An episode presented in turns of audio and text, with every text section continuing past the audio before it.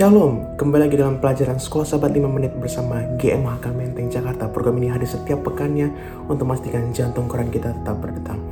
Kita kembali belajar di Sekolah Sahabat dengan judul Mengembalikan. Pelajaran ini diawali dengan ilustrasi rasa takut akan kematian yang mungkin saja menghantui kita semua.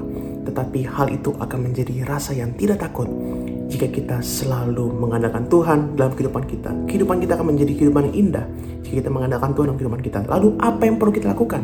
Prinsip firman Tuhan apa yang akan kita dan harus kita pelajari dan kita terapkan?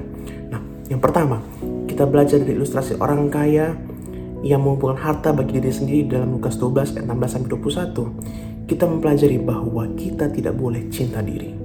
Kita diajarkan untuk, untuk tetap melayani Tuhan sampai ia datang di dalam Matius 24 ayat 44 sampai 46. Nah, sekarang pertanyaan bagi kita adalah bagaimana cara kita untuk menghindari cinta diri?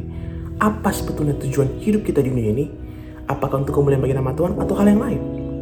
Hal yang kedua, kita mempelajari bahwa harta tidak akan dan tidak bisa dibawa mati. Kita pelajari dalam Mazmur 49 17, 1 Timotius 6 ayat 6 sampai 7, Mazmur 39 ayat 11, Yakobus 4 ayat 14 dan pengkhotbah 2 ayat 18 sampai 22. Semuanya itu mempunyai inti yang sama. Kematian bisa terjadi kapan saja. Pertanyaan bagi kita, apa yang akan terjadi pada orang-orang terkasih pada saat itu terjadi? Jadi apa sebetulnya akan terjadi pada saat kita mungkin mati? Apa yang terjadi kepada orang yang kita kasihi? Apakah yang terjadi pada harta yang kita miliki? Jadi kita belajar bahwa kita harus mengelola harta kita dengan baik tentunya untuk kemuliaan bagi nama Tuhan menjadi berkat bagi sesama dan diperkuat juga di pelajaran yang ketiga di dalam Amsal 27 ayat 23 sampai 27 firman Tuhan mengatakan bahwa Tuhan akan memberkati pekerjaan kita. Tuhan akan mencukupkan kita. Tetapi kita diajarkan bahwa bukan hanya saja mengembalikan kepada Tuhan melalui persembahan dan persepuluhan, tapi kita diajarkan untuk mengelola apa yang ada pada kita, sehingga setelah kita mengembalikan kepada Tuhan, kita bisa mengelola untuk menjadi berkat bagi sesama kita yang membutuhkan.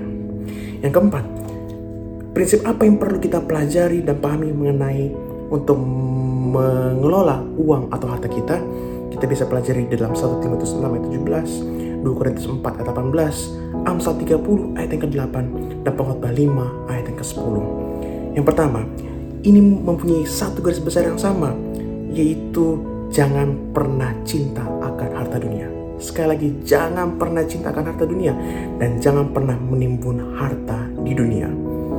Harta tidak salah, Bapak Ibu dan saudara-saudara sekalian. Tidak pernah salah. Karena itu kita butuhkan untuk kita, untuk kehidupan kita dan bahkan untuk kemuliaan bagi nama Tuhan. Untuk mencukupi kebutuhan kita. Tetapi jika kita menimbunnya dan membaginya di saat-saat terakhir kehidupan kita, itu merupakan cara yang salah. Karena seharusnya firman Tuhan mengajarkan kepada kita bahwa kita harus mengolah harta kita di dunia untuk menjadi kemuliaan bagi nama Tuhan dan bahkan untuk menjadi berkat bagi sama kita yang membutuhkan. Dan yang kelima, semua harta kita sebetulnya adalah milik Tuhan yang Tuhan percayakan kepada kita, yang Tuhan pinjamkan untuk menjadi kemuliaan bagi namanya. Karena kita adalah penata layanan. Sepanjang kuartal ini kita diajarkan untuk menjadi penata layanan yang sejati.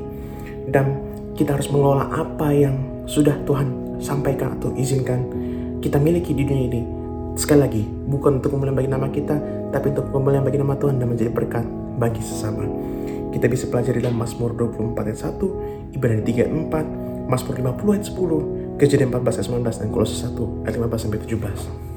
Jadi sepanjang triwan ini kita telah mempelajari bagaimana kita harus mengelola harta kita bagi sang guru, bagi Tuhan sampai datang.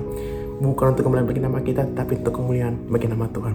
Mari kita kembalikan apa yang menjadi milik Tuhan, bukan untuk kemuliaan bagi nama kita, bukan untuk sombong-sombong bagi sama kita. Dan pada saat kita mengembalikan apa yang menjadi milik Tuhan, kita juga bisa menjadi berkat bagi sesama yang membutuhkan. Sehingga pada saat sesama merasa terberkati, mereka juga akan termotivasi untuk mengembalikan kepada Tuhan untuk kemudian bagi nama Tuhan dan orang-orang merasa terberkati satu sama yang lainnya.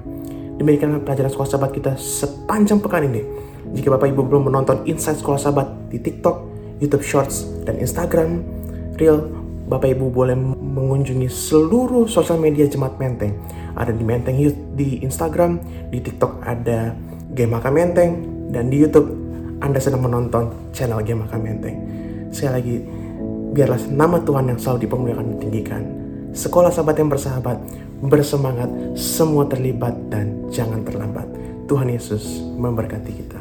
Amin.